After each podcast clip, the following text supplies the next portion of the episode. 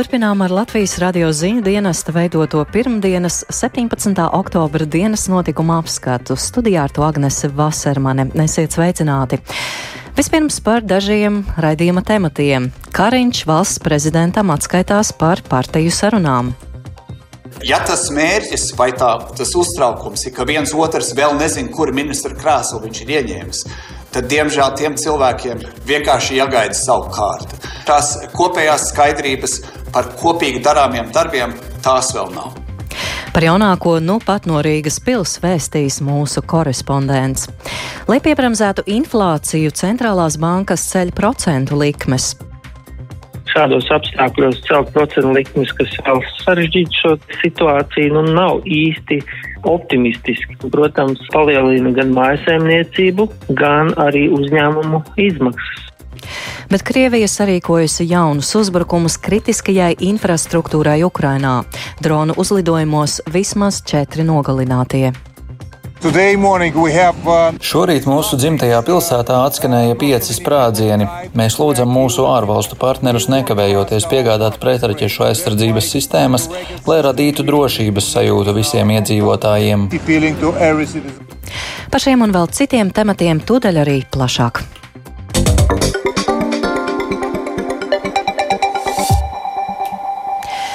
Centrālā vēlēšana komisija ir apstiprinājusi 14. saimas vēlēšanu rezultātus.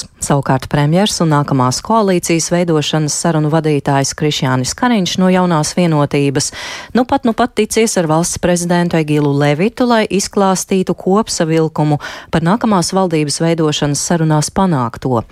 Un Krišjāņu Kariņa teikto pēc tikšanās ar prezidentu uzklausīja kolēģis korespondents Jānis Kīncis, kurš šobrīd atsteidzies uz studijas veicināts. Labvakar! Kāds tad bija Kariņa vēstījums, vai ir skaidrība par koalīcijas sastāvu? Nē, skaidrība šobrīd nav, un uh, gan premjerministrs Krišjāns Kariņš, gan arī valsts prezidents Egils Levits uzsvēra, ka līdzinējās uh, divās nedēļās, kad ir notikušas uh, partiju sarunas par nākamās koalīcijas izveidi, ir izrunātas vairākas lietas, uh, būtiski temati, taču nav pilnīga pārliecība par to, ka ir eh, rasti tātad pilnīgi kopsaucēji katrā visām no šīm partijām.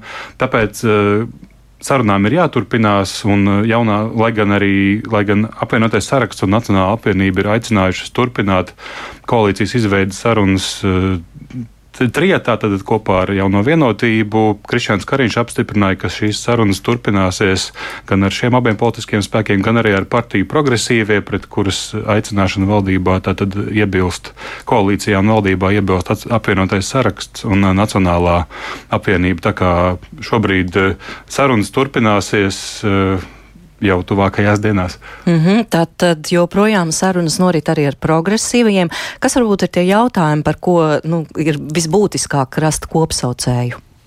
Jā, Krišāns Kariņš uzskaitīja vairākus eh, jautājumus, par kuriem noteikti šīm sarunām, sarunām vēl ir jāturpinās. Eh, partiju divpusējās tikšanās viena no tām ir izglītības un zinātnes prioritāte, tāpat tautsēmniecība un tiesiskums, lai tautsēmniecība būtu brīva no korupcijas un kapitāla sabiedrības, valsts kapitāla sabiedrības būtu brīvas no jebkādas politiskas ietekmes, eh, tā teica Kariņa kungs.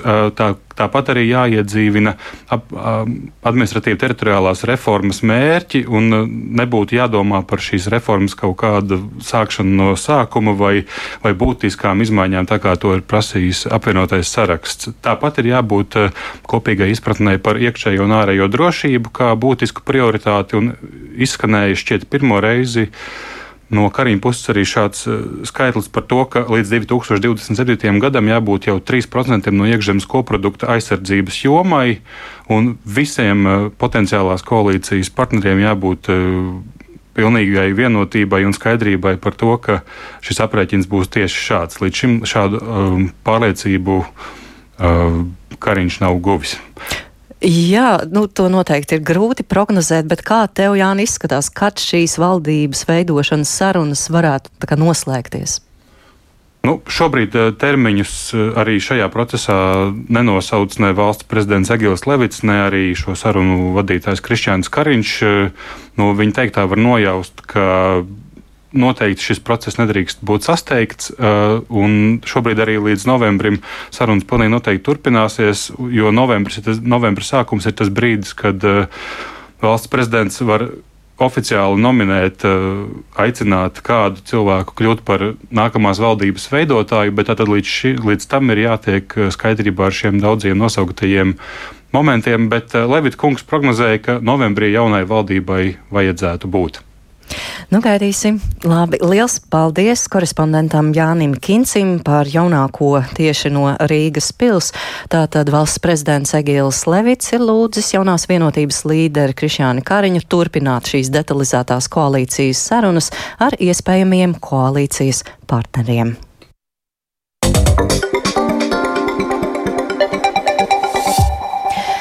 Turpinām ar citiem tematiem. Lai piebremzētu inflāciju, centrālās bankas ir apņēmušās celt procentu likmes.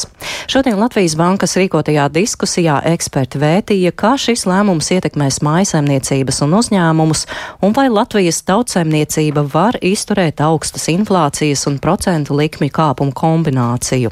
Plašāk Lindas Zalānas ierakstā.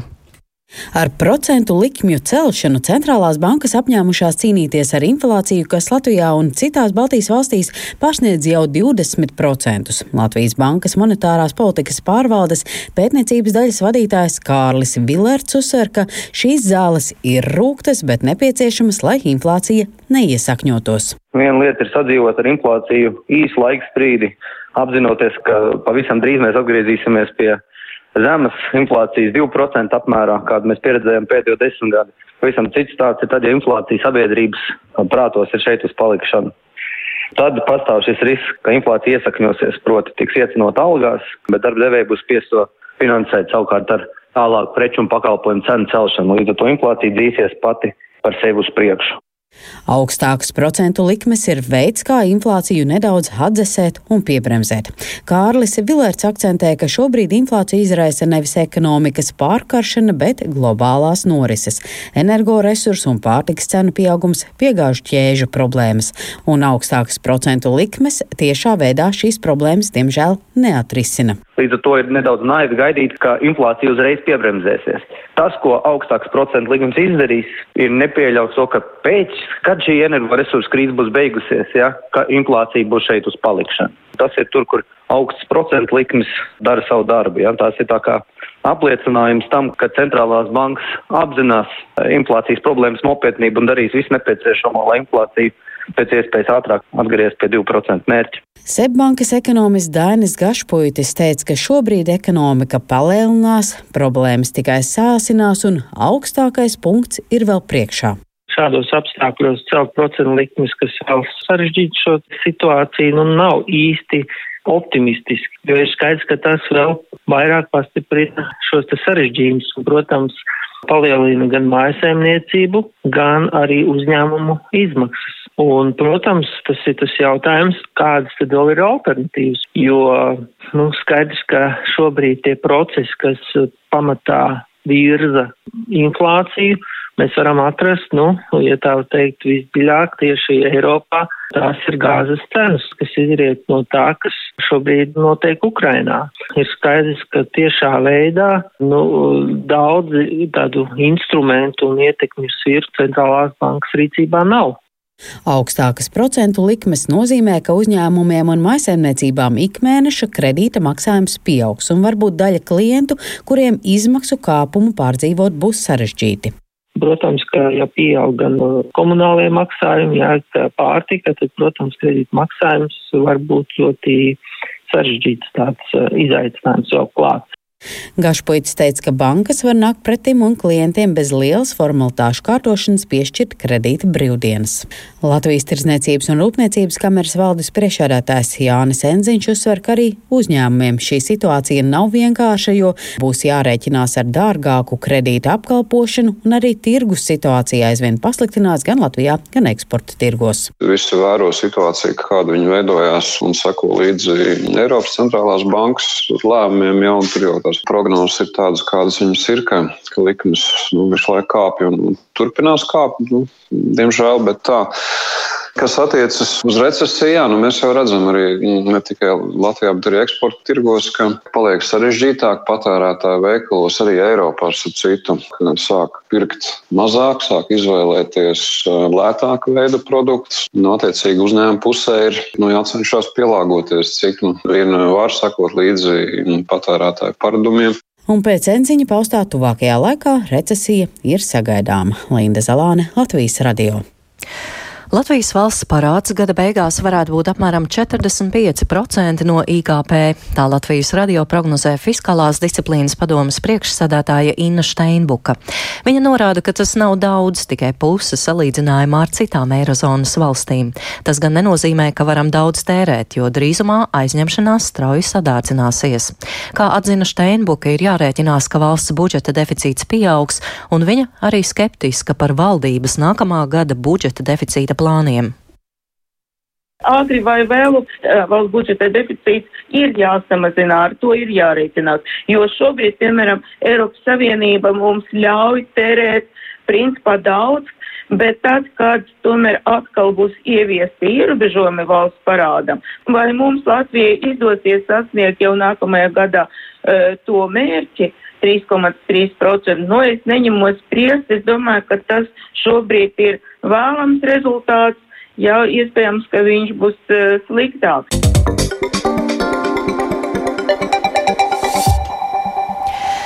Krievija šodien sarīkoja jaunus uzbrukumus kritiskajai infrastruktūrai Ukrainā. No rīta nāvējošus dronu uzbrukumus piedzīvoja galvaspilsēta Kijīva. Eiropas Savienība ir nolēmusi sniegt militāro apmācību Ukrainas karavīriem. Savukārt apvienoto nāciju organizācija ziņo, ka Krievijas izraisītā kara Ukrainā dēļ miljoniem bērnu ir nonākuši nabadzībā. Plašāk par to Ulda Ķezbera veidotajā ierakstā. Līdzīgi kā aizvadītā nedēļa, arī šī Ukrainā ir iesākusies ar masīvām Krievijas apšaudēm, kuru mērķis galvenokārt ir energoapgādes infrastruktūra. Krievijas raķešu un dronu triecienus šodien pieredzēja Ņipropetrovskas un Suma apgabali valsts austrumos, Odesas apgabals dienvidos, kā arī Ternopiļas, Rivnes, Vinnicas un Meļnīckas apgabali Ukrainas rietumos. Ukrainas premjerministrs Denis Šmihāļs paziņoja, ka pēc uzbrukumiem simtiem apdzīvoto vietu ir palikušas bez elektrības apgādes. Savukārt galvaspilsētai Kīvai šorīt uzbruka droni kamikādzes. Viens no tiem ietriecās daudzstāvu dzīvojamā namā, to daļēji sagraujot. Līdz pēcpusdienai no ēkas drupām bija izcelti vismaz četri nogalinātie, kuru vidū bija arī sieviete sestajā grūtniecības mēnesī, paziņoja Kīvas mērs Vitālijs Kličko. Uh, šorīt mūsu dzimtajā pilsētā atskanēja pieci sprādzieni. Par laimi bojāgājušo skaits nav liels, bet tas var pieaugt. Es esmu vairāk nekā pārliecināts, ka tas bija Krievu sarīkots terora akts. Krievi vēlas izraisīt humanitāro katastrofu mūsu dzimtajā pilsētā un tajā pašā laikā iznīcināt ēkas. Šī nav pirmā daudz dzīvokļu māja, kur tika nogalināti cilvēki. Mēs lūdzam mūsu ārvalstu partnerus nekavējoties piegādāt pretraķešu aizsardzības sistēmas, lai radītu drošības sajūtu visiem iedzīvotājiem. Kīvai uzbruka ar 28 droniem kamikadzēm, kurus Krievijai piegādāja Irāna. Irānas ārlietu ministrija gan šodien izplatīja paziņojumu, kurā noliedza ieroču piegādes Krievijai. Ukrainas prezidenta administrācijas padomnieks Mihailo Padaļaks šorīt pēc notikušajiem uzbrukumiem Kīvai paziņoja, ka Krievija būtu jāizslēdz no ietekmīgās G20 valstu grupas. Viņš norādīja, ka tie, kas dod pavēles uzbrukt civilajai infrastruktūrai, lai iebiedētu miermīlīgos iedzīvotājus un organizēt totālu mobilizāciju, lai nosētu frontes līniju ar līķiem, nedrīkstot sēsties pie viena galda ar G20 valstu līderiem. Novembrī Indonēzijā notiks G20 valstu vadītāju tikšanās, uz kuru ir ielūgts arī Krievijas prezidents Vladimirs Putins. Krievijas kārtējos uzbrukumus Ukrainai ir nosodījis arī Eiropas Savienības ārlietu vadītājs Žozefs Borels. Viņš paziņoja, ka ka Krievijas uzbrukumi tikai pastiprinās Eiropas Savienības atbalstu Ukrainai. Eiropas Savienības dalību valstu ārlietu ministri šodien atbalstīja militārās palīdzības misijas Ukrainas atbalstam uzsākšanu. Tās mērķis būs nodrošināt 15 tūkstošu ukraiņu karavīru apmācību bloka dalību valstīs. Apmācību programma sāksies novembrī un ilgs vismaz divus gadus. Tās īstenošana izmaksās vairāk nekā 106 miljonus eiro. ANO Startautiskais bērnu aizsardzības fonds paziņojis, ka Krievijas izvērstais karš Ukrainā un tā izraisītā energoresursu cenu krīze ir iedzinusi nabadzībā 4 miljonus bērnu Austrumēropas un Centrālāzijas valstīs. Tas ir par 19% vairāk nekā pagājušā gada beigās. Būtiski piebilst, ka šajā laikā visvairāk 2,8 miljoni bērnu nabadzībā ir nonākuši tieši Krievijā. Savukārt Ukrainā kara dēļ nabadzībā dzīvojošo bērnu skaits ir pieaudzis par pusmiljonu. Uldis Česberis, Latvijas radio. Zviedrijā konservatīvās moderātu partijas līderis Ulfs Kristersons šodien apstiprināts Zviedrijas premjera amatā. Tas notika parlamenta Riksdāga balsojumā, vairākumam deputātu atbalstot Kristersona kandidatūru. Viņš vadīs mazākuma valdību, kurai atbalstu parlamentā ir apsolījusi galēji labējā partija Zviedru demokrāti. Turpina Uldis Česberis. Kristersona apstiprināšanu premjera amatā atbalstīja 176 no 349 Rīgsdaga deputātiem. Viņa vadītajā mazākuma valdībā strādās Moderātu partija, Kristīgo demokrātu partija un Liberālā partija. Zviedru demokrāti valdībā nebūs pārstāvēti ar ministru portfeļiem, tomēr partijas pārstāvji saņems augstu ierēģņu amatus ministrijās. Četru partiju parakstītā vienošanās paredz, ka nākamā valdība ieviesīs stingrāku imigrācijas politiku, samazinās palīdzību ārvalstīm un apkaros noziedzību. Kristersons jaunās valdības sastāvu nosauks rīt. Lielbritānijas jaunais finanšu ministrs Džeremijs Hāns šodien atcēlis lielāko daļu ekonomikas paketes, par kuru premjerministres Līzas Trasas valdība paziņoja vien pirms dažām nedēļām. Līdz ar to atcelti gandrīz visi nodokļu samazināšanas plāni. Trasa piekdien atlaida nepilnas sešas nedēļas amatā bijušo finanšu ministru Kvasī Kvartēngu, ar kuru kopā jaunā premjera izziņoja plānu par nefinansētu nodokļu samazinājumu, kas sacēla vētru Britu iekšā iekšpolitikā un satrauca finanšu tirgus. Finanšu plāna neveiksme konservatīvās partijas līderiem ir likusi apsvērt iespēju gāzt trasu no amata, kurā viņa bijusi tikai sešas nedēļas. Turpinājumā Džeremija Hanta teiktais. The most important objective our country right now Pat labi mūsu valsts svarīgākais mērķis ir stabilitāte. Neviena valdība nevar izslēgt nestabilitāti tirgos, bet katra valdība var spēlēt savu lomu, un tieši to mēs darīsim. Līdz ar apņemšanos mazināt parādu vidējā termiņā, es baidos, ka būs vēl citi grūti lēmumi, gan nodokļos, gan tēriņu ziņā. Visām ministrijām būs divi tik jādabulto centieni ietaupīt, un dažās izdevumu pozīcijās būs jāsamazina izdevumi. Izaugsme prasa pārliecību un stabilitāti. Šī valdība pieņems jebkādus smagus lēmumus, kas nepieciešami.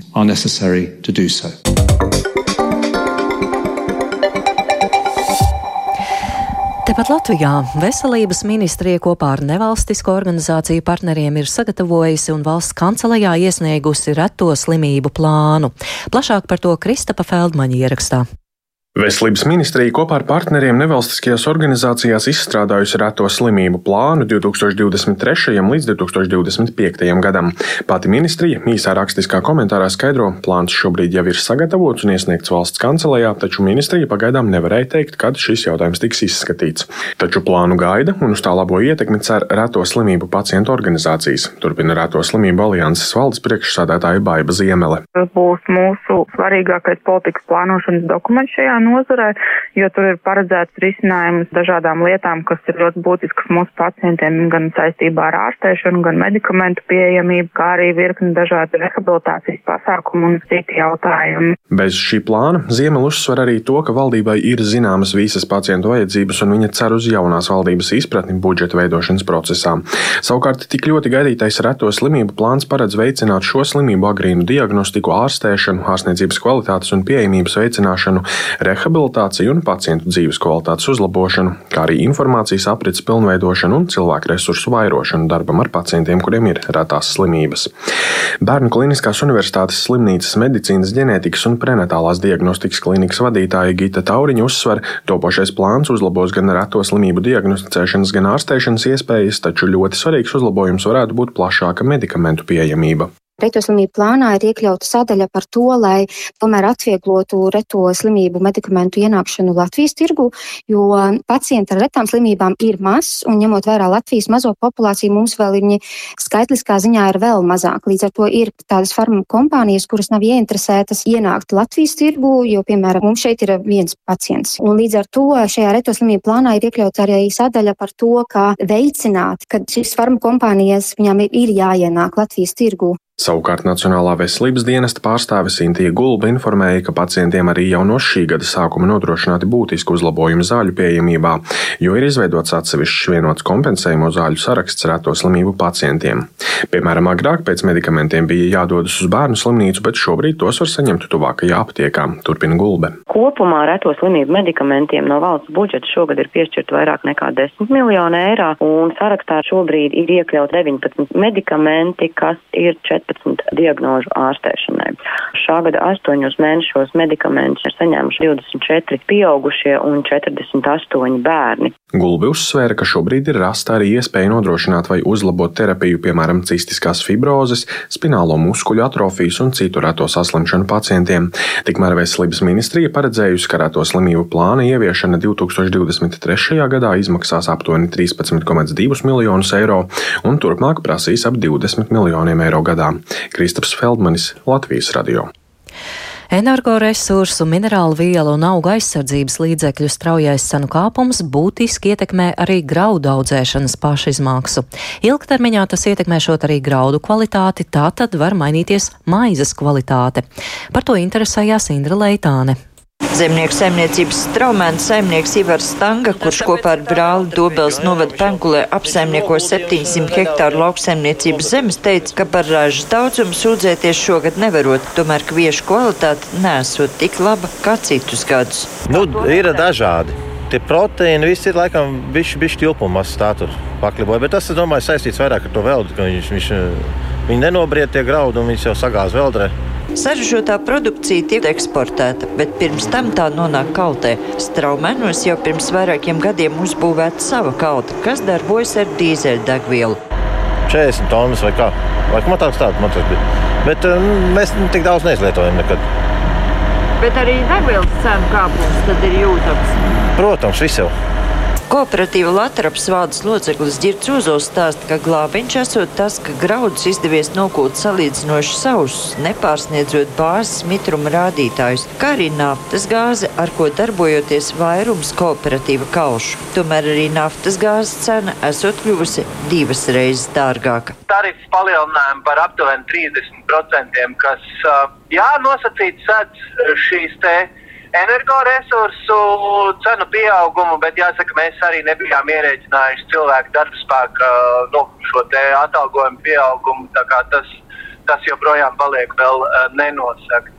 Kautēšanas izmaksas gan esot tikai neliela daļa no ražošanas izmaksu kāpuma graudu audzētājiem. Lielāko daļu sastāda minerālu mēsli un augu aizsardzības līdzekļi. Turpina kooperatīva Latvijas valdes loceklis Girts Ozols. Un, un tās izmaksas ir ļoti ievērojami augušas reiz, reiz trīs, un ja minerālu mēsli kādreiz sastādīja nu, nezinu, 20, 30% no visām kopējām izmaksām. Tagad es rēķinu, ka tas ir tuvu pie 80 jau. Ja? Tā kā ir, ir, ir ļoti grūti. Straujais izmaksu kāpums būtiski ietekmēs arī maizes cenu un sortimentu veikalos, stāsta lauksainicības tirgus veicināšanas centra vadītāja Ingūna Gulbe. Maizīte kļūs vēl dārgāka. Septembrī skatoties, jau varēja redzēt, ka viņa ir ievērojami dārgāka pret iepriekšējiem periodiem, jo visu laiku varēja nopirkt, nu, lielajās veikalu ķēdēs varēja nopirkt gan baltmaizi, gan rupmaizi vienu variantu, kas maksāja zem eiro. Tagad nekā tāda vairs nav. Ingoda Gūba cer, ka cenu kāpums pamatproduktiem varētu mazināties pavasarī. Tas gan visticamāk nebūšot saistīts ar ražošanas izmaksu, bet gan iedzīvotāju pirktspējas samazinājumu. Sandra Leitāne, RTV.